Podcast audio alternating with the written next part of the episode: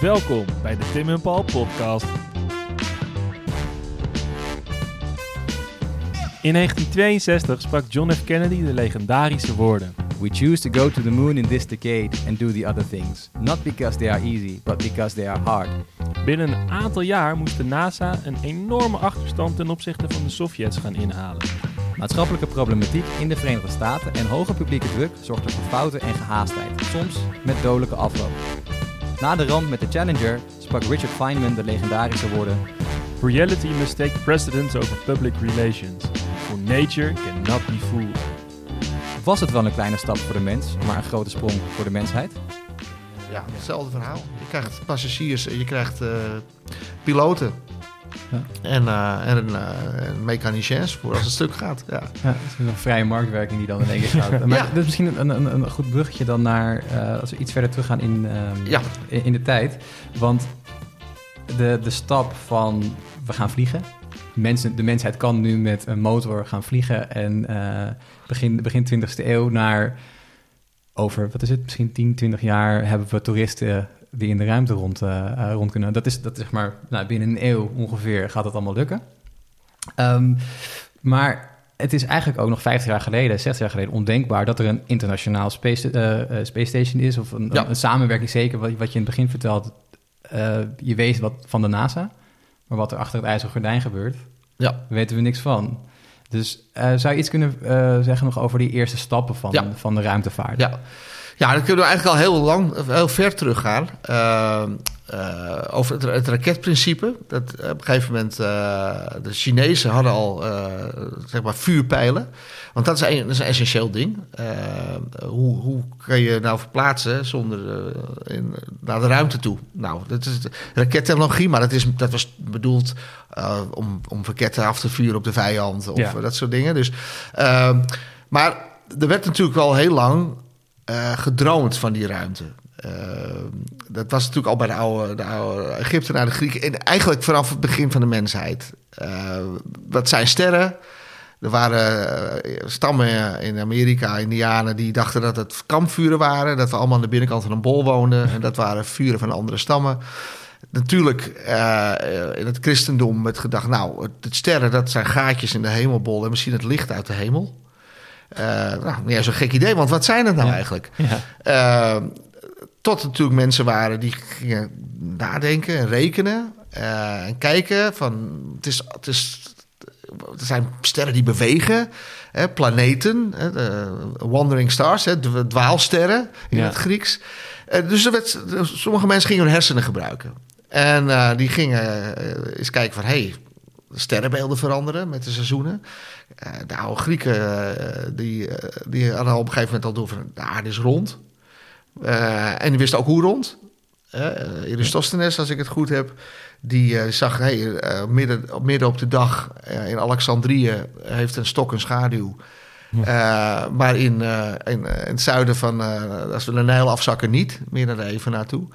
En die heeft, is gaan uitrekenen, hoe lang doe je erover om daarheen te gaan, de karavaan enzovoort. En die kwam op iets van 40.000 kilometer. En dat is ook zo. Ja. Uh, dus we komen redelijk dicht in de buurt van de echte omtrek van de aarde. Gewoon door observeren. Uh, nou, het, vroeger dachten we natuurlijk de aarde, het staat in het midden. De aarde is plat en ja. alles draait om de aarde. Logisch, want dat zie je ook. De aarde lijkt plat, de lucht lijkt oneindig en de, de zon en de maan komen ons heen. Goden? Nou ja, oké, okay, bleken geen goden te zijn. Maar we staan nog steeds in het midden. Tot Copernicus, uh, ik denk, dat klopt niet. Het verhaal klopt niet. Ja. En die zei, oké, we staan in het centrum. Uh, we draaien om de zon. Dus toen was de zon in het midden. Hij durfde het pas te vertellen of te publiceren na zijn dood, want hij was bang voor de brandstapel. Terecht, want Bruno, die hetzelfde zijn in Italië, die is op de brandstapel gekomen. Dus het zijn allemaal van die, uh, die heel langzaam beginnen mensen. Vaticaan had toch ook, wat is het, in 1992 geloof ik, hebben ze gezegd. Ja, van, ja dat gelijk. Ja, ja. ja. Dus, uh, uh, dus heel langzaam begonnen mensen steeds meer door te krijgen hoe het zat. de telescoop kwam. Een Nederlandse uitvinding, hè, Lipperhei, Zuid-Zeeland. vooral gebruikt door Galileo Galilei om naar de sterren, de maan te kijken. En die ontdekte de maantjes van Jupiter. Uh, Jupiter heeft iets van 80 manen, zoals we het nu weten. Maar de vier grote manen, die kan je af en toe zien. En hij zei, ja, kijk, niet alles draait om de aarde. Want, die draaien, want deze draaien om Jupiter. Ja. Uh, ja. En uh, in dezelfde tijd was natuurlijk Christian Huygens. Die kwam met, en die, die, heeft, die zei van... Hey, Saturnus heeft een raar vlekje. Dat zijn ringen. Dus die beschreef voor het eerst dat dat ringen waren. Ja. En die, en dat, is, dat vind ik heel mooi... die schreef de eerste science fiction. Cosmo Theoros is een boek wat Christian Huygens, Huygens geschreven heeft. En daar, daar filosofeert hij over hoe zou dat daar zijn? Zou je daarheen kunnen? Uh, als je op, uh, op, wow. op Saturnus staat. Uh, is er buitenaards leven? Dus Huygens, fantastische wetenschapper, de grootste Nederlandse ja. wetenschapper. die, die was dus al bezig met wat zou dat zijn? Hoe kan je daarheen? Nou, die tijd kon dat dus niet. En dat is wat je natuurlijk altijd ziet in de geschiedenis van, van verkenningen en zo. Er zijn vier soorten mensen nodig. Je hebt dromers nodig, die met het gekke idee komen, zoals Huygens in dit geval. Hoe zou dat zijn? Kan je daarheen? Dan heb je denkers nodig, wetenschappers, die eens gaan uitrekenen hoe dat moet.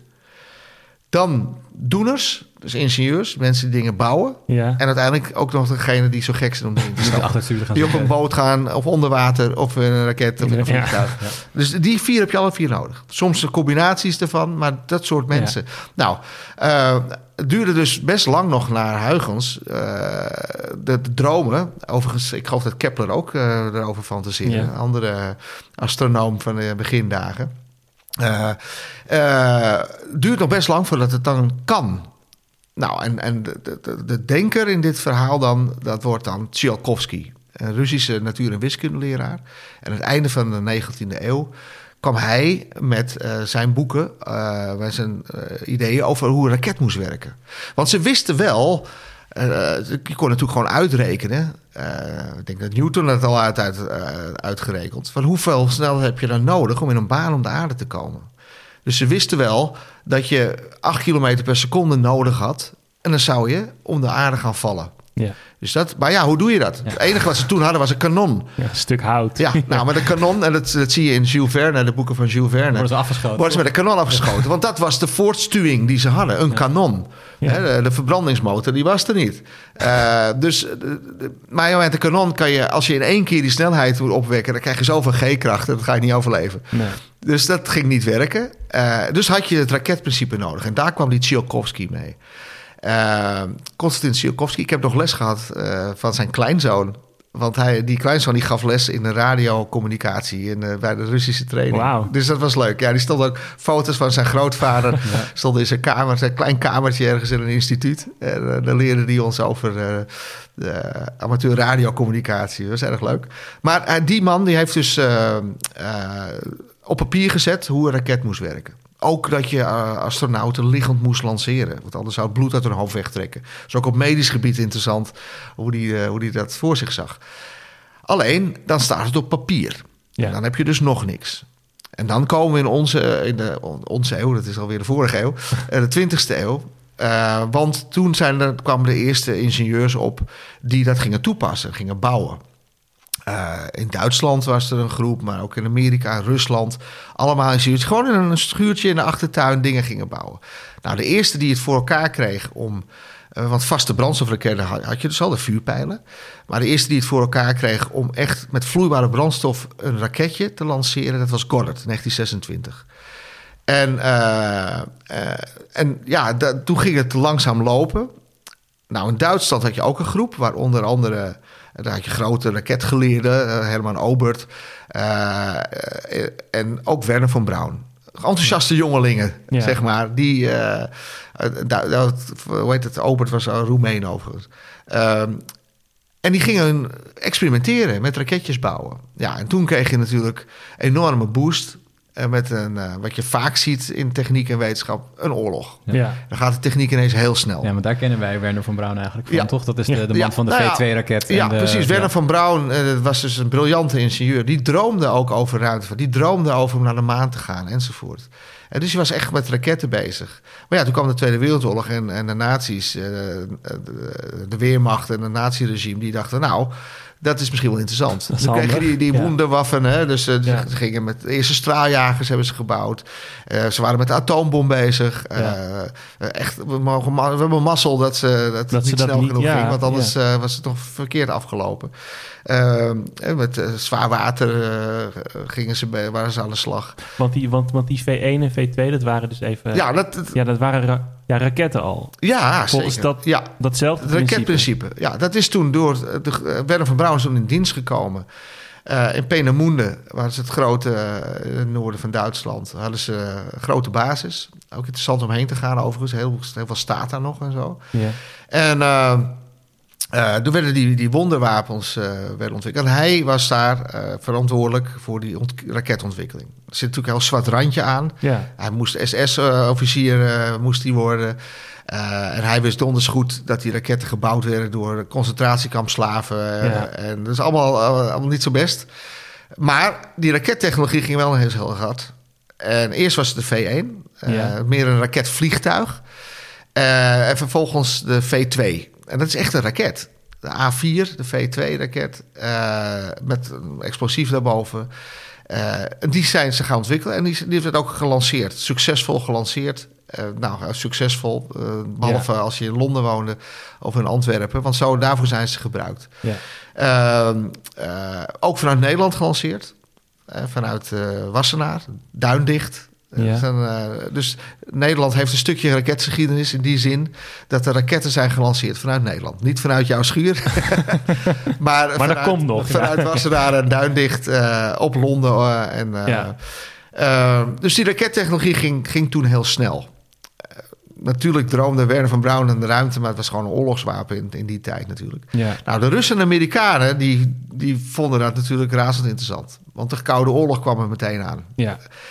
Uh, en zodra de Duitsland uh, ten onder ging, zijn er meteen allerlei geleerden uh, en, en van de Russische en Amerikaanse kant meteen naar plaats als gestuurd en andere plekken om zo snel mogelijk die, die wetenschappers te krijgen. Ja. En bij Amerikanen heet het operatie Paperclip, maar ook de echte raketten. Um, Gewoon zoveel mogelijk meenemen, mensen, materieel. Ja, ja. precies. Nou, uh, aan de Russische kant uh, ging dat onder leiding onder andere van Korolev. Korolev was een Russische raketingenieur. Uh, en de, de, briljante man, tegenpool later van Werner von Braun. en, die, en natuurlijk met de Russische geheime dienst zoveel mogelijk geleerden pakken. Nou, de Duitsers zelf de geleerden die onder Werner van Braun, die zagen de bui natuurlijk al hangen. Ja. En die hadden niet zoveel zin om in Russische handen te komen. Want dat was natuurlijk, uh, ja. dat, die hadden, de nazi's hadden zo huis gehouden in Rusland dat het, de wraak enorm was. Dus die hebben, wat hebben ze gedaan? Alle papieren, alle spullen en ook zoveel mogelijk raketonderdelen naar Zuid-Duitsland vervoerd. Omdat de SS nog steeds dwangmatig bezig was. Wij kunnen er nog steeds winnen en we gaan naar een Alpenvesting enzovoort. Ja, dat was een hele rare soort van Alpenoorlog, toch ja, nog? Ja, ze wilden daar nog uh, doorgaan. Ze waren helemaal, helemaal geïndoctrineerd. Echt tot het laatste moment gingen die idioten allemaal door.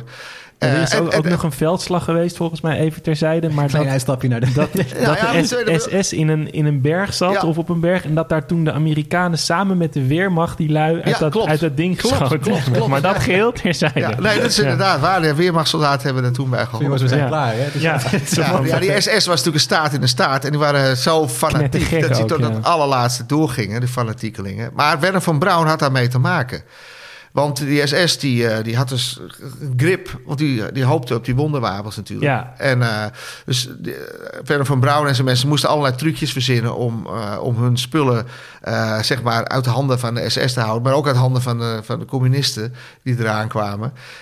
dus een heleboel is verstopt. Uh, deel is in treinen en, en, en verlaten mijnschachten enzovoort. Wauw. Uh, om ja, dan maar. En uiteindelijk hebben ze zich overgegeven aan de Amerikanen. Het team van Werner van Braun. Dus grote, grote ingenieurs en gerekedwetenschappers. Uh, die gaven zich over aan de Amerikanen. Ja, en die die, zei, die wisten natuurlijk wel dat hij SS-officier was en dat het allemaal niet zo uh, netjes allemaal is gegaan. Maar van een veel groter belang. En dat was natuurlijk de Koude Oorlog, want de Russen deden hetzelfde. Dus die wilden zo snel mogelijk die rakettechnologie opbouwen. Ja. Uh, ook weer een bom op elkaar te kunnen gooien. En zo is, het in, uh, zo is dat bij Amerika verder gelopen. In Amerika was er nog een strijd. Je had uh, de marine, de navy en, en de landmacht. En in eerste instantie kreeg de navy carte blanche. Maar Van Brown was bij, zeg maar, bij, de, bij de landmacht... wat later na zou worden enzovoort. Maar dat was er allemaal toen nog niet. Eerst mocht de navy het proberen. Maar uiteindelijk mislukten hun eerste raketten. Ja. Uh, en toen kreeg Van Braun, die kreeg, uh, sorry, die kreeg toen uh, carte blanche eigenlijk. Die kreeg toen geld samen met al die andere wetenschappers. Dus die werden in Amerika gewoon in dienst genomen. Uh, een oorlogsmisdaden, ja, daar werd dan, werd dan maar niet over weggeveegd. Ja. de Russen hadden de mindere goden. Uh, en ook nog wat onderdelen. Nou, en toen kreeg je dus een, een, de Koude Oorlog. Nou, dus toen kreeg je die raketontwikkeling aan beide kanten. En bij de Amerikanen uh, uh, ging dat dus op zich eerst langzaam, omdat de marine dat niet zo goed bleek te kunnen. Ja. en tot grote verbazing van de Amerikanen lukte het de Russen om ineens Sputnik te lanceren. Ja. Dat hadden ze even niet verwacht. Want zij zagen natuurlijk een boerenstaat. Ze, hebben al hun wetenschappers en, en officieren van kant gemaakt. En uh, dat gaat uh, toch niks worden. Maar aan de Russische kant had je dus Korolev. En dat was een briljant figuur. Uh, en die is overigens... was hij door Stalin in een gulag gestopt, hè? want hij was... Ja, dat, Stalin was natuurlijk gestoord. Hij heeft uh, uh, heel veel belangrijke en goede mensen, ook zijn heel veel van zijn officieren ja. voor de oorlog, heeft hij toen uh, uit de weg geruimd. En Korolev zat dus in een strafkamp, in een gulag. en die hebben ze eruit moeten halen omdat ze hem nodig hadden. Wauw, en toen heeft hij wel nog, nog vlijtig aan ja, zeker. Ja, ja, ja, je, je ja, zeker. Keus dan toch? Ja, nee, nog sowieso. Maar het was zijn passie natuurlijk. Ja. Niet alleen natuurlijk, had uh, mensen om, uh, om zich heen, ook andere grote ingenieurs. En die is toen aan, hard aan de slag gegaan. En het lukte dus, hem dus om in 1947, 4 oktober 1957 het eerste voorwerp in een baan om de aarde te lanceren. Dat was de Sputnik. Dat is een bolletje van een meter doorsnee, alleen één radiozender erin. Maar die ging wel in een baan om de aarde. En dat was dus ja, totale schok voor Amerika. Dat zij uh, de ruimterace... Uh, Aan het verliezen zijn. Nou, verloren hadden al. Om e- als eerste in de ruimte te komen, was ineens Sputnik daar. Die Want... een ruimtesignaal uitstond. En die kwam zomaar over Amerikaans uh, grondgebied. Dus ze konden er niets aan doen. Want, want zweeft hij daar nog? Nee, nee, nee, want uh, op een gegeven moment is altijd wel wat weerstand. En op een gegeven moment uh, daalt hij en dan komt hij in de dichtere luchtlagen en dan verbrandt hij naar beneden. Ja. Dan verbrandt hij gewoon. Verbrandt, ja. Als het heel ver weg is, dan blijft het er hangen. Hè, Er hangen nog steeds uh, satellieten van de, eerste, van de eerste dagen van de Amerikanen. De Telstar-satellieten of zo, die, die hangen daar nog. Die draaien nog rond. Omdat ze ver weg zijn en niet afremmen. Dat is, dat is, het probleem van de ruimtepuin dat we ondertussen hebben. Uh, maar de Amerikanen liepen dus achter. Nou, en, en, en die hebben uh, toen uh, ja, alles op alles gezet. Van Brown een vrijkaart gegeven. Nou, gaan we aan de slag. En, en die moesten toen ook iets in de ruimte brengen. Liepen achter dus. Ja. Want een maand na de eerste Sputnik lukte het de Russen... of de Sovjets moet ik zeggen, was ja. natuurlijk Sovjet-Unie... Uh, lukte het om een Sputnik 2 te lanceren. Die was iets groter. En daar hadden ze ook wat ingestopt, namelijk Laika. Ja, dat Laika rondje. Ja. ja. Dus die was het eerste levende wezen in de baan naar aarde. Het schijnt een straathond geweest te zijn. Omdat... Held van de Russische federatie ja. geworden. Ja. Ze, ze, heeft het niet overleefd, want ze wisten nog niet precies hoe die capsules terug moesten. Want er is natuurlijk ook druk achter die kant. Hè. De propaganda, die zei ook, we moeten, moeten, moeten. Uh, en Laika die is uh, door oververhitting omgekomen en uiteindelijk ook weer verbrand. Maar ze bleef wel leven. Ze konden wel signalen ontvangen dat ze bleef leven. Oh, maar dat is toch zielig voor dat Ja, dat hoor je ook altijd als ik dat in een theater zou zeggen, hoor je altijd, oh. ja. ja. mensen beseffen niet dat, dat, dat, ze dagelijks medicijnen gebruiken of, of make-up, wat op dieren getest is. Hè? Dus uh, iedereen, ja, nee, uh, niemand, uh, nou goed, het is de, de, de, het de heiligheid wat mensen natuurlijk hebben voor wat zielige dieren, maar ze eten wel vlees of zo enzovoort. Maar nee, maar het is het beeld dat je, ja, ja, nee, dat je daar natuurlijk. moederziel alleen op een rare plek. Ja. Er zijn overigens daarna wel weer hondjes gegaan, Bielka Strelka, die wel weer terugkwamen. Okay. Want dat moest ook getest worden. Hoe kom je dan terug? Ja. Maar Amerika liep daar dus achteraan. En die begonnen natuurlijk ook, gingen astronauten selecteren. Uh, uh, een, een, een chimpansee gingen ze lanceren. Hem, die kwam wel weer terug. Mm. Uh, maar ze liepen dus, wat, liepen dus achter. en heel veel raketten ontploften. Nou, een hoop gedoe. Maar uiteindelijk, op 12 april 1961, lanceerde de, uh, de Sovjet-Unie Yuri Gagarin. Eerste mens in een baan op de aarde. Eén baantje maar. En hij is er met een parachute uiteindelijk nog uitgesproken, want ze wisten niet of de capsule goed zou landen. Dus voordat de capsule landde, werd hij met een schietstoel uit die capsule gestuurd. Uh, dus hij heeft maar één baan gemaakt. Maar ja, dat was natuurlijk de held. Uh, ze hadden natuurlijk een stel cosmonauten geselecteerd. En uh, ja, er gaan allerlei verhalen natuurlijk over uh, rond van hoe dat ging en waarom Jury gekozen is. Nou, was een boerenzoon uh, en hij zag er leuk uit. En ook heel veel propaganda, in, weet je. Van, het moet, het moet afstralen hoe goed... Kijk eens hoe goed wij zijn als communistische boerenstaat. we kunnen dit. En ze konden het ook, duidelijk. Ehm, maar de, de tweede man die in de groep zat was German Titov... Maar het, het, het gerucht gaan van, uh, dat de Russische leiders, uh, de Khrushchev en zo, dat die uh, zeiden van... Kerman, wat is dat voor een naam? We nemen Juri. Juri, ja, ja. En dat is natuurlijk een mooie anekdote, zal wel. Ik weet niet wat er allemaal van waar is natuurlijk. Maar dat was natuurlijk een enorme schok. Dus de Amerikaanse astronaut was natuurlijk teleurgesteld, uh, sowieso. De NASA was ondertussen dus opgericht. Dat was eerst uh, NASA met een C en daarna werd het dus de NASA met een S. De S van Space. Uh, en uh, die moesten dus een inhaalslag leveren. Nou hadden ze één, de eerste Amerikaan die een paraboolvlucht maakte. Een suborbitale vlucht, niet een parabool, para, suborbitale vlucht. dat was Alan Shepard. Uh, dus Yuri Gagarin had gewonnen. En de eerste Amerikaan, die ging niet eens in een baan, maar die ging een suborbitale vlucht maken. Die ging omhoog met een kleine raket. Uh, tot een bepaalde hoogte en dan val je weer terug. Maar hij was dan in de ruimte, zeg maar juridisch. Hè? En, uh, Waar we het net over hadden. Precies. Ja. Grote, grote held natuurlijk. Kreeg meteen een medaille van Kennedy. En dat zette ook meteen Kennedy ertoe aan, eh, John F. Kennedy en zijn eh, vicepresident, Lyndon B. Johnson. De vicepresidenten gaan traditioneel doen de ruimtevaart. Nu nog steeds is dat zo. Dus die zijn, dat is hun, een van hun taken. En toen is er een enorme beroemde speech geweest. Uh, twee eigenlijk, in het congres. Uh, en vervolgens ook nog in, in Texas, in een voetbalstadion. Waarbij Kennedy dus zei van, we gaan dit doen. We gaan nu alles op alles zetten. En ik wil dat er voor het einde van uh, de, de voor de of the decade, uh, een, een, mens. Uh, nou, eerst, eerst de ruimte ging dus gelukkig. Maar hij zei toen, moet je voorstellen. Ze hadden net één een lancering gedaan. Toen zei hij al: we gaan er allemaal geld erop zetten. Toen moest er nog een Amerikaan. ik moet even chronologisch goed vertellen. Er is een tweede Amerikaan geweest die bijna verdronken is. Gus Grissom, die zo'n suborbitale vlucht maakte. En die landde. Het luik ging, niet, ging te vroeg open.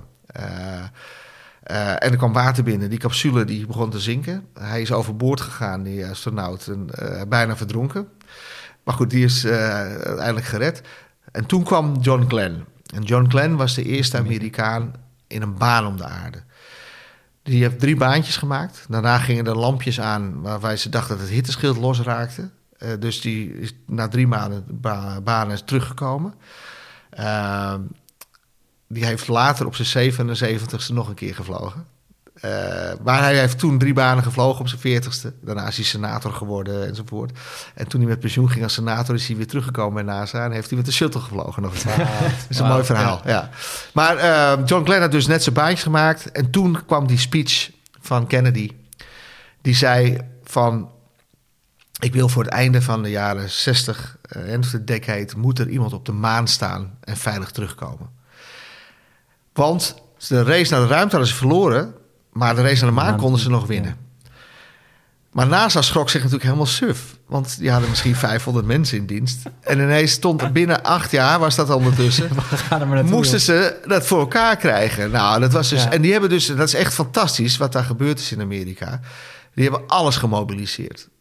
400.000 mensen werkten er uiteindelijk aan het Apollo-project. Het heeft iets van, nou, met huidige kost, iets van 200 miljard dollar gekost. Alles werd gemobiliseerd om dat voor elkaar te krijgen. Gewoon prestige. Het kon toch niet zo zijn dat de Russen... Dat we dit zouden gaan verliezen. Ja, het is echt een totale uh, nationale mobilisatie. Ja. Uh, en toen werd alles erin gestopt. Want er moest zoveel gebeuren. Er moesten grote raketten, grote raketten gebouwd worden. Het grootste gebouw ter wereld werd gebouwd op uh, Florida. Hè, waar die raket werd geassembleerd. Uh, mission control moest er gebouwd worden. Allerlei mensen opgeleid. Nou, het is een enorme onderneming geweest, het hele Apollo-programma. Uh, wat, ja, ze konden eigenlijk niet. Ze hadden één iemand drie baantjes om de aarde laten vliegen. That's it. Dus toen moesten ze allerlei dingen gaan testen. En toen kreeg je al die ruimtevluchten aan de, aan de Amerikaanse kant. Eerst uh, de Mercury. zeven Mercury-vluchten met één persoon. Toen de Gemini-vluchten. En daar gingen ze uh, in, dingen in testen van uh, hoe uh, met elkaar vliegen. Dus twee ruimtes hebben het gelijk. Koppelen gingen ze vliegen. hoe lang je in de ruimte kon blijven. Dus twee astronauten met, met Gemini 8, die moesten 14 dagen naast elkaar zitten. Gewoon naast elkaar, alsof je in een auto zit, maar dan 14 dagen lang. En dan moesten ze alles in doen. ruimtewandelingen moesten geoefend worden. En er gingen ook dingen mis en zo. Neil Armstrong is bijna omgekomen in de ruimte bij een Gemini-vlucht. Want die zat vastgekoppeld aan een raketstrap als oefening. En die begon te tollen. En toen bleek dat er een van de branders, uh, raketmotortjes van de Gemini-capsule, die, die bleef maar vuren. En daardoor ging hij steeds harder draaien. Dat heeft hij door koelbloedigheid opgelost. Waarschijnlijk is een van de redenen waarom hij gekozen is, waarschijnlijk voor de maanlanding. Uh, en uh, dat, al dat soort dingen moesten getest worden. En toen gingen we Apollo, kwam met drie mensen erin. Dat moest ook van alles nog gebeuren. De maanlander moest getest worden. Die was nog niet af. En uh, toen hij met Apollo 8 zag... Uh, er is nog even terug, is nog een brand geweest. Apollo 1. Apollo 1 ja. Die, uh, het moest gehaast. Dus er werden, werden, zeg maar, de veiligheid werden stappen overgeslagen. Apollo 1, die, die zou gelanceerd worden. En een paar dagen voor de echte lancering moesten ze nog een test doen ook een druktest met pure zuurstof in de capsule. Maar onder hoge druk. Want ze moesten de druk vergelijken met de buitendruk. Nou, in de ruimte heb je dat niet. Dan heb je, heb je, heb je, heb je maar weinig druk nodig. Maar op de grond, als je het wilt testen, moet je dus hele hoge druk erin stoppen. Omdat de luchtdruk aan de buitenkant er ook nog is. En het gebruikte pure zuurstof. Ja, klein vonkje. En er was een kortsluiting. Nou, de bemanning had geen enkele kansen. Die konden het luik niet meer open krijgen. En uh, die zijn verbrand. Uh, nou, stond het hele programma stil. Maar ze wilden nog steeds, hadden ze die eis voor het einde van uh, En dit, dit, was Apollo 1? Apollo 1 was dit. Dus er stond een heleboel stil. Heel veel aan gebeurd. Heel veel uh, dingen moesten er veranderd worden. En uiteindelijk gingen ze verder. Apollo's 4 en 5, dat waren onbemande. En Apollo 7 waren de moesten de Apollo-capsule dus testen in de baan van de aarde. Apollo 8 zou de maanlander testen, hoe je daarmee moest koppelen. Maar die was nog niet af. Dus toen hebben ze besloten, want uh, Rusland stond ook niet stil. Die waren ondertussen met hun capsules bezig, met de Soyuz-capsule. Hebben ook ongelukken gehad. De eerste Soyuz uh, die in 1967 is gecrashed, want de parachute ging niet goed open. De cosmonaut Kamarov is daarbij omgekomen. Uh, die waren met hun Soyuz-capsules bezig, twee mensen in de ruimte. En die zaten natuurlijk ook naar de maan te lonken. Want die waren met die race ook bezig. En ze hebben een hele grote maanraket gebouwd. Een N1-raket. Maar die is mislukt, ontploft. Er zijn enorm veel mensen omgekomen bij ontploffingen aan de Russische kant. Maar de Amerikanen waren bang dat de Russen voor hen het zou lukken om om de maan te vliegen. Dat hadden ze overigens al onbemand gedaan. Hè? Al in 1959 hadden de Russen, moet je voorstellen. Uh, dat, dat, was net twee jaar na de eerste Sputnik hadden ze al een, een ruimteschip om de maan gestuurd. De eerste foto van de achterkant van de maan is een Russische foto, een Sovjet-foto. Dus ze waren bang dat ze daar, uh, en dat was ook zo, dus ze hadden plannen, die hebben ook maanlanders gebouwd, om iemand op de maan te zetten. Dus die dachten, oké, Apollo 8 is nog niet, de maanlanders nog niet klaar, dan sturen we Apollo 8 gewoon naar de maan om eromheen te vliegen. Nou, dat is een hele, in 1968 is dat een hele iconische, eh, hele belangrijke vlucht geworden was er enorm veel ellende in Amerika toen. De aanslagen op Martin Luther King, uh, Robert Kennedy, de Vietnamoorlog. Ja. En uh, ze konden wel wat, wat goed konden nieuws wel wat gebruiken. gebruiken. En die hebben toen uh, Apollo 8 om de maan heen gestuurd. Die hebben toen die iconische foto ja. genomen. Bill Anders, een van die Apollo 8 astronauten. de Earthrise foto.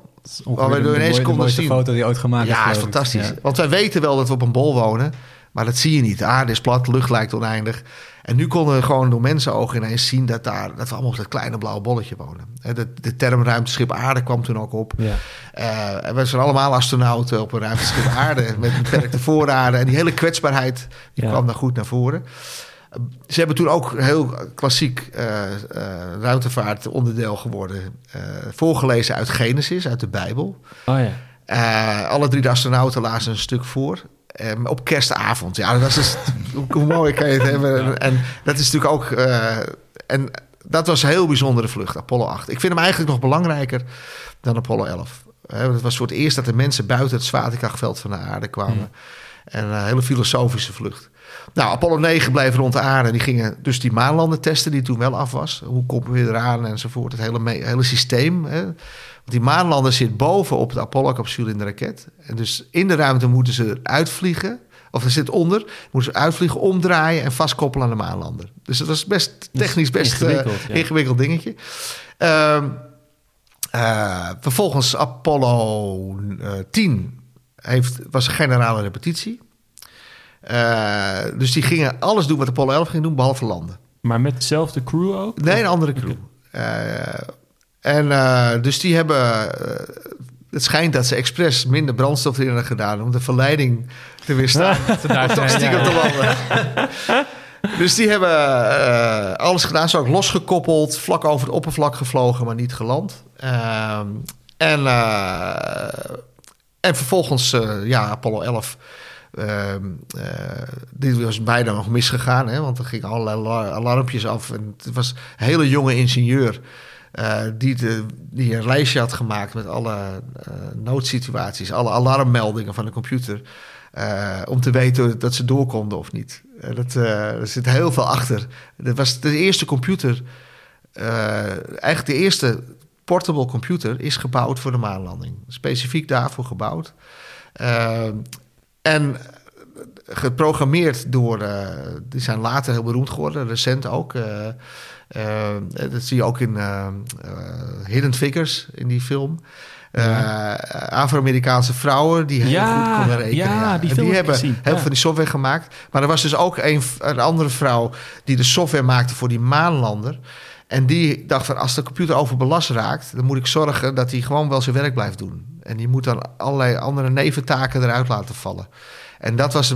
En als dat gebeurt, dan krijg je alarm 1201 en 1202. Ja dat hadden ze, dat dus heel goed geprogrammeerd. Om te zorgen dat die computer door kan gaan. Ook al werd hij overbelast. Uh, maar op de grond, de mensen die in het vluchtleidingscentrum zaten, ja, die, kennen al die alarmen niet. En dus één keer was er iets gebeurd tijdens een oefening. En toen heeft de, de, de baas van die Mission Control groep, die heeft gezegd van, ga, schrijf het eens even op, eh, die alarm. Nou, dat heeft die, eh, die twee ingenieurs hebben dat gedaan. En, uh, en wat gebeurde er tijdens de vlucht?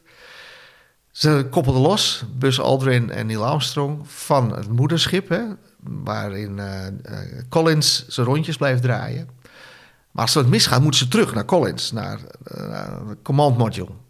Dus ze hebben een radar voor om hem vinden. Maar ze hebben ook een grondradar. Nou, de bedoeling was al het grondradar aanzetten om te kijken hoe ver hoog we zitten en waar we gaan landen. Maar Buzz Aldrin die dacht als wij terug moeten vliegen, dan wil ik wel snel terug kunnen vliegen. Dus die heeft ook het radar voor de terugkeer, een rendezvous radar aangezet. En dat waren twee radarsystemen. De computer raakte overbelast. Dus toen kreeg je op de grond, eh, niemand wist dat dat er aan de hand was, maar kreeg je ineens een alarm, 1202, overload. Maar dat wisten ze dus niet. Dus toen dachten ze, wat betekent dit? Moeten we afbreken? En de bemanning zei ook van, wat moeten we doen? Hè? Gaat een alarm af hier? Uh, eh, 1202. En op de grond waren ze dus helemaal van... Uh, en toen, uh, degene die erover ging, over die computer... die, die checkte heel snel met zijn collega van 23. Hè. De gemiddelde leeftijd van de mensen in Mission Control was 26. Wow. Allemaal hele jonge gasten. ook goed, want die wisten nog niet dat het niet kon. Dus die gingen het gaan doen. En die had dat papiertje en daar stond op 12 toe dat ze door konden. He, dus overbelasting, maar de computer gaat gewoon door. Dus Wow. Hij heeft dus de boel gered in die zin. Want anders hadden ze de boel afgeblazen. Ja. En dan had de volgende Apollo gaan landen, zeg maar. Dus, uh, dus dat gaat goed. En ze zijn dus ook uh, met moeite ook. Uh, Armstrong heeft het over moeten nemen. Want de plek waar ze zouden landen, die zat vol met rotsblokken. dat kwam ook omdat ze, ook zoiets grappigs... Ze koppelden los van, van het moederschip. en het, het, het, sluis, zeg maar, het gedeelte ertussen was niet helemaal leeg. Dus er zat nog wat luchtdruk in. Daardoor kreeg de maanlander... Een soort plofje. Een soort plofje. Die kreeg een zetje. En die ging dus te snel voor de berekeningen. Dus ze vlogen over het maanoppervlak. Maar toen konden ze al zien, en de grond berekende het ook... maar Armstrong kon het ook zien... we zitten te hoog.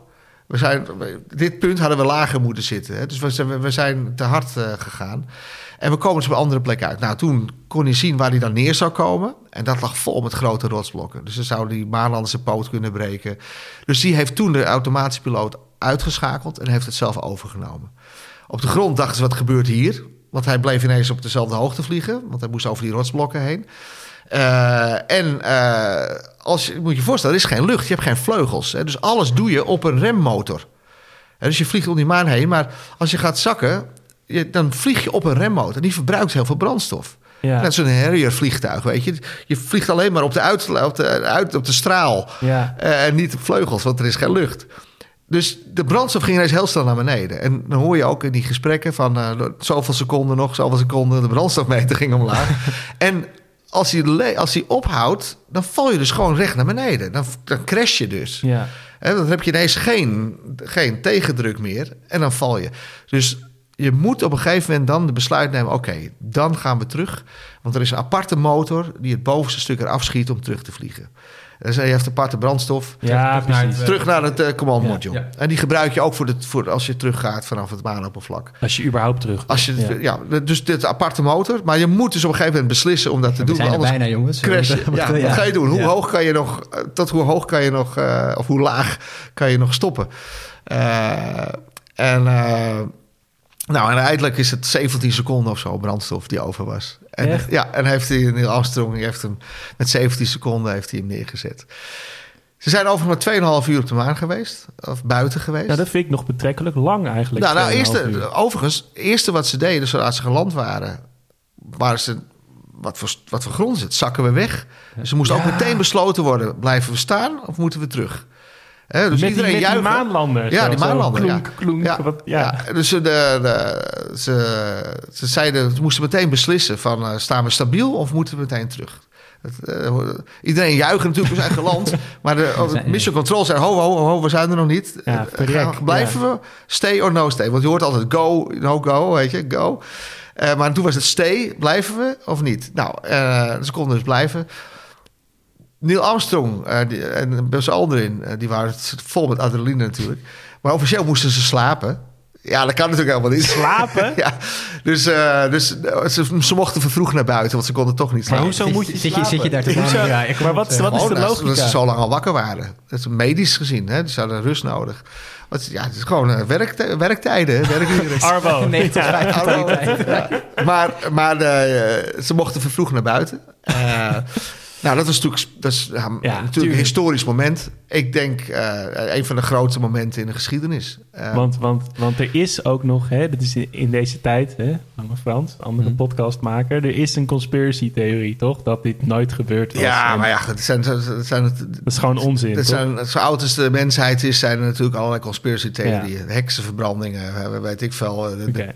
de, de, de, de, pest werd, ik veroorzaakt. nou ja, het is altijd geweest dat mensen gaan dingen zoeken als verklaring. Ja, uh, maar zij zijn daar gewoon geweest. Dit is, ja, we, we, hebben alle foto's, we hebben alle films. Uh, je kan het zelf zien. Die voetafdruk staat daar ook nog, toch? Ja, alles staat ja. er nog. We hebben de Lunar Reconnaissance Orbiter.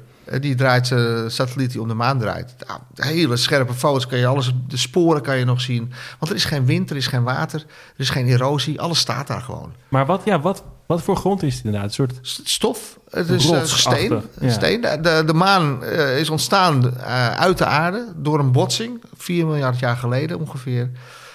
ander hemellichaam is er een botsing geweest. en een deel van de maan, een deel van de puin is de maan gaan vormen die om de Het is ook een hele grote maan vergeleken met, met, met, andere manen van andere planeten. Dus dat is een onderdeel van de aarde geweest. Het zijn rotsen, steen, mm. silicium, kalk, ijzer, nou, van alles. alle, onder, alle onderdelen van, van waar de aarde ook uit bestaat. Ehm, uh, maar het is heel licht, dus hij kan geen atmosfeer vasthouden, bijvoorbeeld. Ja. Water, wat er geweest is, is wel water, er is overigens wel ijs. Water vind je overal wel in het heelal, maar in de vorm van ijs of damp of wat dan ook. En waarschijnlijk is er wel water op de Zuidpool of in, diepe kraters op de polen van de maan, waar nooit zon komt.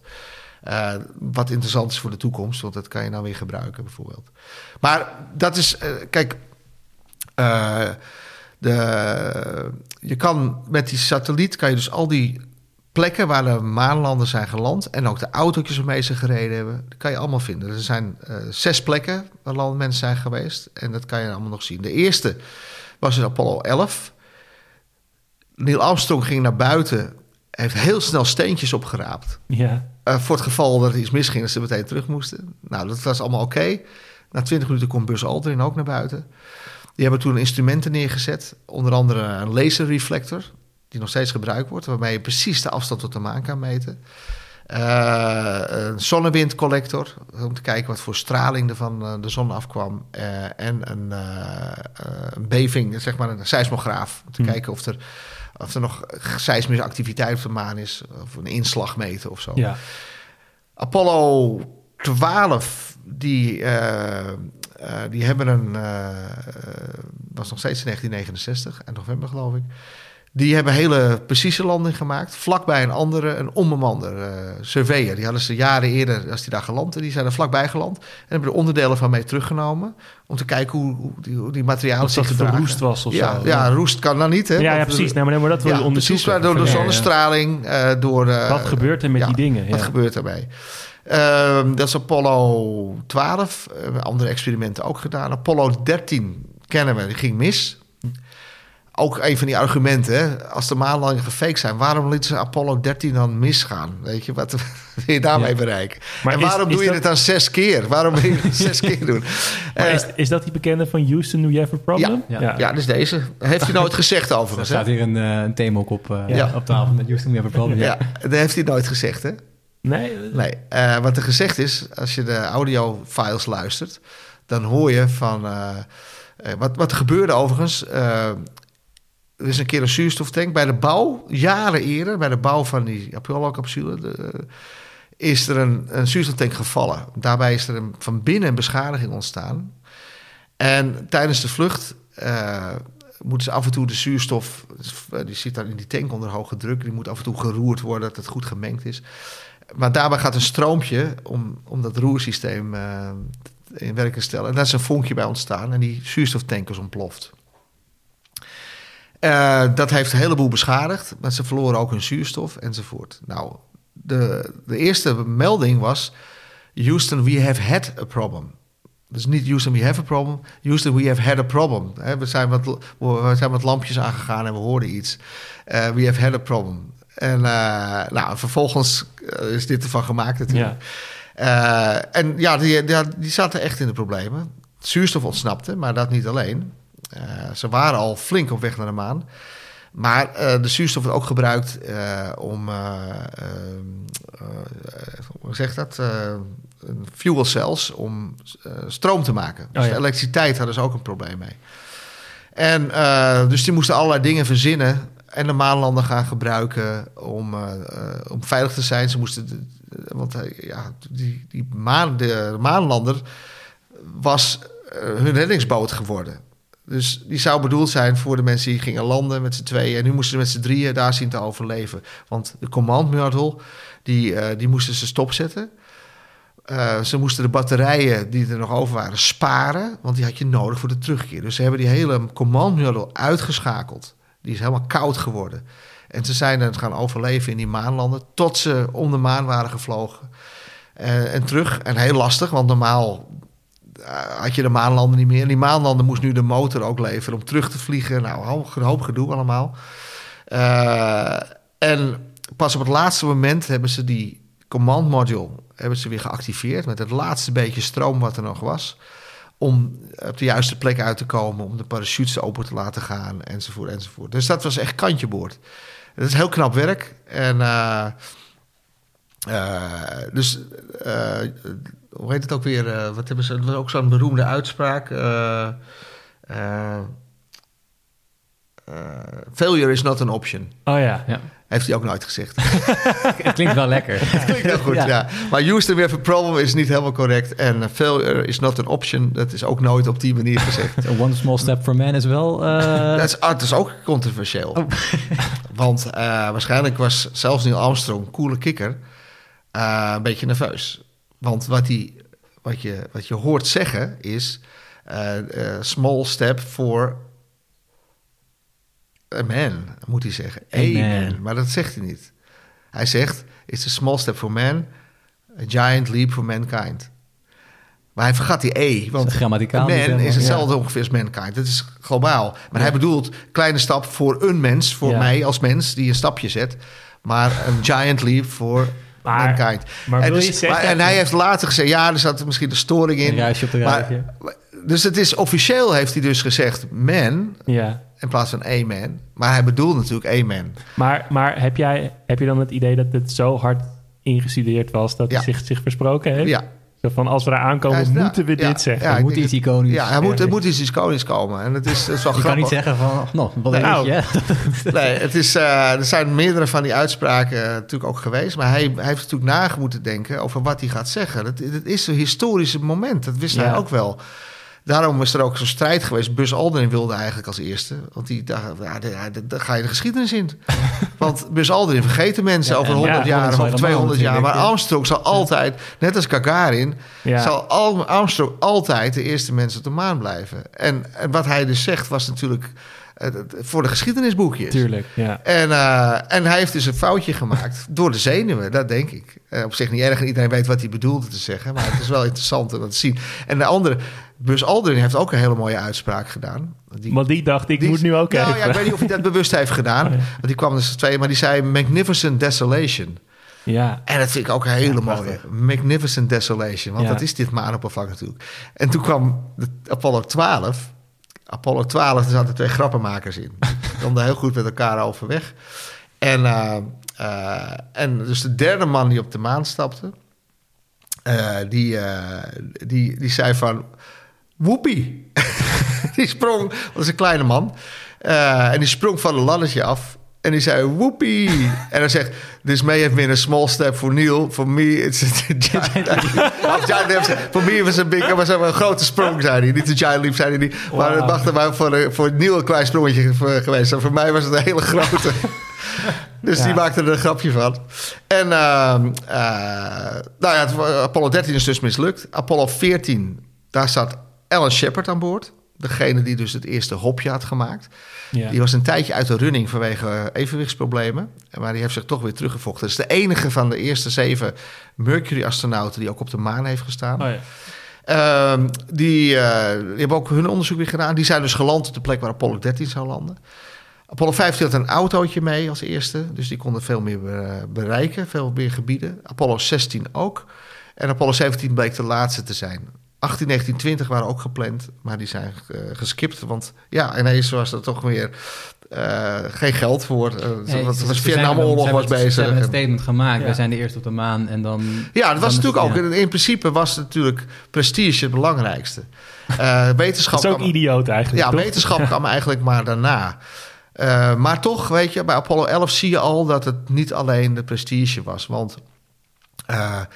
Ze zeiden ook, hè, this is a giant leap for mankind. Tegenwoordig zou je waarschijnlijk humankind zeggen. Uh, het was voor iedereen. Een kwart van de wereldbevolking keek ernaar. Het was ineens iets voor de mensheid. Ja. En uh, dat zie je ook geïllustreerd aan de patch van de astronauten. De, de, de, ze hebben altijd zo'n patch op met zo'n logo enzovoort. Apollo 11 is de enige patch waar geen namen van astronauten op staan. De astronaut zeiden ook: dit is niet voor ons. Oh, ja. is niet voor Amerika. Dit is voor de hele mensheid. De afbeelding op die patch is ook de Eagle. Dat was de naam van hun lander. Uh, bij Apollo uh, eh, 15 heette die de Falcon, weet je, dat is eigen naam. Ja. Uh, en daar staat een, een die, die eagle die heeft een vredestak. Dus je ziet alleen maar die eagle, de maan en de aarde. Super symbolisch natuurlijk. Super symbolisch. Op, op de poot van de maanlander zat een plaquette. En er staat op, we came in peace for all mankind.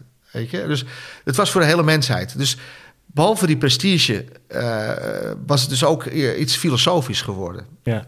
En wetenschap, ja, dat kwam, het werd eigenlijk meegenomen. Ja, Neil Armstrong pakt, pakt een paar stenen. Ja, dat moest toch? Ja. En ze kregen allemaal wat training, maar het waren allemaal testpiloten. Tot de laatste, Apollo 17. Daar zat voor het eerst een wetenschapper op. Een geoloog, Harrison Smith. Ja. Uh, en uh, die was de eerste wetenschapper. En dus wetenschap had graag nog doorgegaan met de Apollo, Apollo-vluchten. Maar ja, inderdaad, de, de race was voorbij. Kost natuurlijk heel veel geld. Ja. Ze hadden een Vietnamoorlog op ze, die liep nog op zijn laatste benen. Een hoop gedoe allemaal. Ze hadden dat geld nodig. Dus toen is dat uh, zeg maar uh, uh, gestopt. dus die zijn gestopt met Apollo. De Russen die hadden dus die grote explosies. En die hebben hun maanprogramma achter zich gelaten. Niet gelukt. Uh, en die zijn zich gaan concentreren op ruimtestations. En daar zijn ze heel goed in geworden. De eerste ruimtestations, de Soyuz. Ja. Uh, daar zijn de, de Russen, uh, die kregen de meeste ervaring. En de Amerikanen die hebben nog wel even Skylab gelanceerd. het Amerikaanse ruimtestation. Er zijn drie bemanningen heen geweest. Maar dat is toen ook weer gestopt in 1974. En toen is er nog één bijzondere vlucht geweest. want we zaten natuurlijk midden in de Koude Oorlog. Mm -hmm. En dat is de Apollo-Soyuz-missie. Hm, ja. uh, dat was de, er waren, zat er nog een, een Apollo-raket over, zeg maar. Uh, en toen hebben ze besloten, oké, okay, uh, we gaan met de Sovjet-Unie samen... gaan we ja, een vlucht maken om laten zien dat je kunnen samenwerken. Een hele bijzondere vlucht... Uh, drie manningsleden aan de Amerikaanse kant, waaronder een van de Apollo 10 astronauten. En, uh, en een astronaut die nog bij de Mercury 7 hoorde, maar die was afgekeurd al die tijd. En uiteindelijk heeft hij alsnog uh, gevlogen, Dick Slayton. Good voor hem. Ehm, en aan de Russische kant onder andere Leonov. En Leonov, dat was een van de eerste groep, helemaal collega van Gagarin. Degene die de eerste ruimtelanding maakte. want we, zeiden al, de, de Sovjet-Unie had al die primeurs, hè. Uh, Sputnik 1, ja. uh, Laika, uh, Gagarin, Valentina Tereskova als eerste, eerste vrouw de ruimte in. daarna meteen, meteen met drie tegelijk. en ook de eerste ruimtelanding. En die was van Leonov. Die overigens problemen had.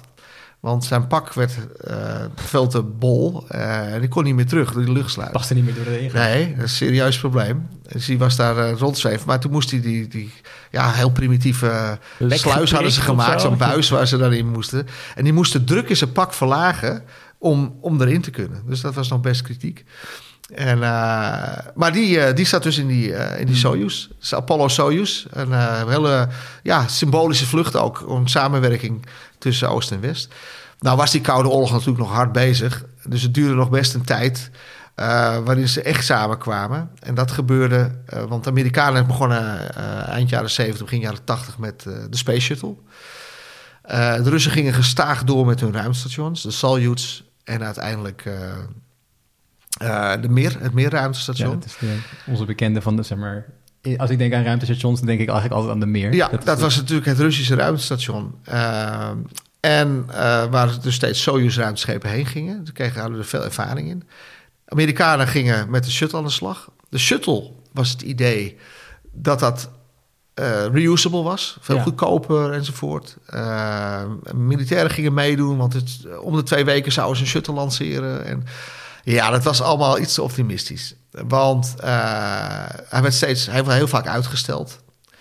Uh, computer die het niet deed, een sensor. Dus de, de, militairen haakten af, want die wilden veel sneller kunnen reageren. Dus die zijn teruggegaan naar hun zeg maar, Delta-raketten om satellieten te lanceren.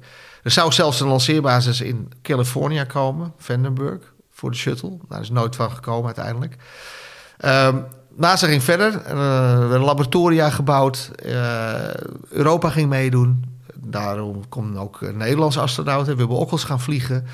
die vloog zeven dagen in de Space Shuttle. Dat is ook, dacht ik van, oh, wat gebeurt hier? Het is geen testpiloot, en het is een wetenschapper. Ja. En uh, ik zag astronauten met brillen op. Het werd allemaal... ik dacht, oh, dan kan ik het ook misschien wel. En zo is dat gaan lopen voor mij. Want uh, er werd steeds meer wetenschap ingestopt. Uh, in het begin waren het testpiloten, maar daarna werden het ingenieurs... wetenschappers, artsen, nou ja, allerlei. Hè, er zijn oceanografen, meteorologen, allerlei soorten disciplines gingen ineens meedoen. en het werd op een gegeven moment zo gewoon, of gewoon, routine dachten ze, dat ze dachten, nou, we gaan ook gewone burgers meesturen. Uh, misschien moet Walter Cronkite mee of zo, een journalist of zo. Misschien moet er een dichter mee. En een lerares. Ja, en dat ging dus mis. 1986 uh, eh, is de Challenger geëxplodeerd bij de lancering. overigens door druk van het management. Want het was heel koud en de ingenieurs die zeiden van... ja, we hebben nooit getest onder die temperaturen. Maar ja, er staat zoveel druk op. Toch gedaan met fatale gevolgen. Dus toen kreeg Amerika een enorme klap. Dit was, dit was ook live te zien. Live, iedereen keek mee, want het was allemaal, ja, televisie volgde het allemaal. Iedereen vond het prachtig, die Space Shuttle. Maar ja, in uh, januari 86 uh, klapte het uit elkaar. Het stond alles drie jaar weer stil. Voor mij ook, hè. Ik dacht ook van, oh, nou gaat mijn droom. Want ik wilde ook die ruimte in. we, we, ook al eens net geweest. Ja. Maar toen dacht ik, ja, nu gaat alles weer stilstaan. Dat was, het stond ook allemaal stil voor drie jaar. Vervolgens ging het weer verder aan de uh, Amerikaanse kant. Uh, maar uh, de Koude Oorlog begon in te storten.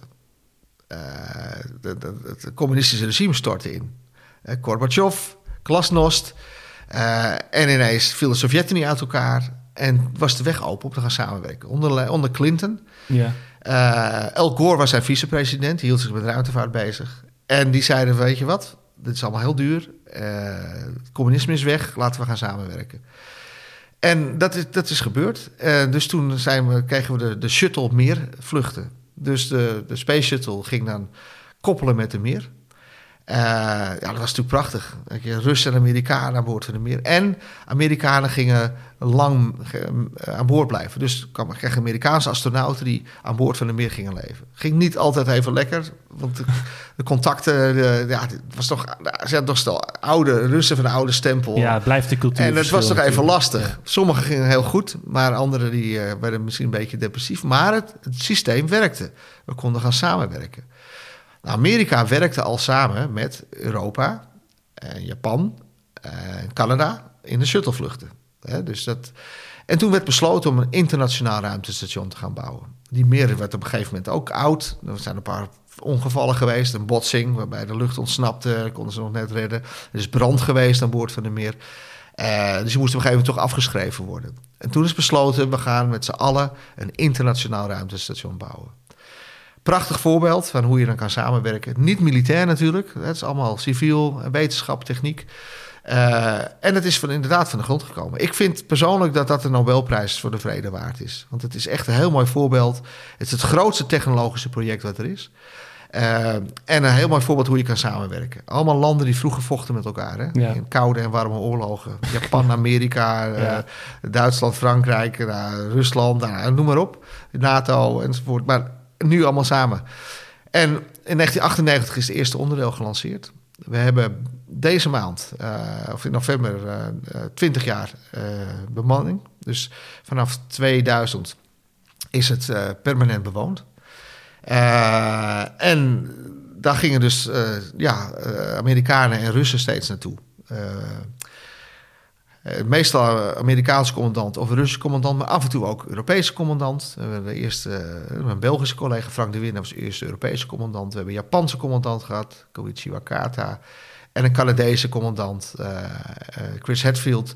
En zo wisselde dat elkaar steeds af. Dus echt internationaal. Mensen van al die verschillende landen die, die meedoen. Af en toe toeristen. Want de Russen die verkopen af en toe een stoeltje aan een, aan een gast die dan wel een beetje moet trainen voor de veiligheid en zo. En maar verder uh, nergens aan mag zitten. Maar sommige, het meeste zijn ingenieur, die zien namen hun eigen experimentjes ook mee. Oh ja. Maar die hebben veel geld verdiend met software of wat dan ook. Uh, uh, dus landen gingen meevliegen. We hebben pas iemand uit de Emiraten gehad. dus zo is het ruimtestation gaan bouwen. Het is een wetenschappelijk platform. Um, en het werd bezocht door de Soyuz, door vrachtschepen, Russische vrachtschepen, uh, Europese vrachtschepen, zoals uh, de ATV, het Europese vrachtschip, Japanse vrachtschepen en door de shuttle. Maar toen ging het weer mis met de shuttle. Ze lanceerden, uh, en bij de lancering kwam een brok isolatiemateriaal. was bevroren, want die tanks, dus, dus, dat is natuurlijk gekoeld, zuurstof en die grote tank van de shuttle. Er zit vloeibare zuurstof en hmm. waterstof in. En, en zo'n brok isolatiemateriaal, dat viel bij de lancering op de vleugel. Hebben ze gezien bij de lancering, maar ja, ik kon het verder niet eh, beoordelen. Maar wat gebeurde, ze, konden, ze hebben ook niks tegen de bemanning gezegd. Ze wisten, ze wisten het wel, maar ze hebben niks gecommuniceerd. Nee, ze konden er ook niks aan doen. Ze zagen dat het op de vleugel was gevallen, maar ze wisten niet hoeveel schade. De Space Shuttle zat in een andere baan dan het ruimtestation, dus je kon daar niet heen. Ze hadden ook geen lange arm. Uh, ze hebben wel een arm in de Space Shuttle voor het laadruim, maar niet om onder te kijken of op de vleugelrand. En ze hadden ook geen reparatiemateriaal. Dus ze, hadden gewoon, ze konden gewoon niks doen. Dus op hoop van zegen uh, zijn ze met de landing begonnen. Maar ze wisten dus niks, hè? de bemanning wist het niet. Uh, alleen een paar mensen bij NASA. Ja, en wat er gebeurde, je moet je voorstellen, je, je hebt dus 28.000 kilometer per uur. En als je gaat teruggaat, dan heb je geen raket om af te remmen en dan rechtstandig te landen of zo. En dus je remt af in de lucht. Je remt een heel klein beetje af om in een lagere baan te komen. En dan rem je vervolgens als een eend op het water, rem je af in de lucht. En dat geeft wrijving en dat wordt wel 2000 graden. Vandaar dat je het hitteschild nodig hebt. Nou, bij die shuttle zat dus een, een deuk in de voorrand van de vleugel. Daar kon hete lucht zich verzamelen en branden door die vleugel heen. Ja, dan, als je geen aerodynamica meer hebt, dan valt het hele ding, dat disintegreert in die enorme, enorme krachten en hitte die daarbij uh, kon kijken. Dus ja, toen was er, uh, was zeven mensen aan boord. Uh, ik, ik heb nog een tijdje op de lijst gestaan voor die vlucht, autobenen. Wauw. Want de ESA die wilde mij toen... Uh, die vlucht die werd steeds uitgesteld en dan weer naar voren, dan weer naar achteren. Uh, het was een losse vlucht, hè, niet een station. En, en toen moesten ze nog iemand hebben en toen zei ESA, wij hebben een goede kandidaat. Want ik trainde die astronauten onder andere. Ik was met mijn, het team waar ik voor werkte bij, bij Estec in Noordwijk. Wij deden medische experimenten. Met die En ik wist dat, ik kende dat experiment goed. En die training kostte veel tijd. Dus er werd gezegd, nou, we hebben iemand. Kant en klaar, hij is geselecteerd. Hij staat klaar, hij wil eh, graag. En uh, we kunnen hem eventueel vliegen. Dus vliegen als, als payload specialist extra. Uh, uiteindelijk lukte het niet. Ook omdat er Israëliër aan boord was. Uh, dus twee buitenlanders, was misschien weer te veel. Uh, dus uiteindelijk werd gezegd: nee, jij gaat later met de Russen vliegen. Dus ik dacht van, oh, nou, ik had altijd gedacht dat ik, ja. dat ik, met de Amerikanen zou vliegen. En nu moet, ik had nooit gedacht dat ik met de Russische zou vliegen. en dat is, ik kende de bemanning dus ook goed. Ze zijn ook hier in Nederland geweest voor experimenten en zo. En uh, kenden ze goed. Uh, dus best, dat was een enorme schok. Heavy, ja. Een enorme schok, ja. En uh, dus toen stond het programma weer stil. Ook voor mij. Langzaam, rustig aan koppelen we ons terug van het ruimtestation en zijn op weg naar de aarde. In de derde aflevering en laatste aflevering bespreken we de toekomst van de ruimtevaart.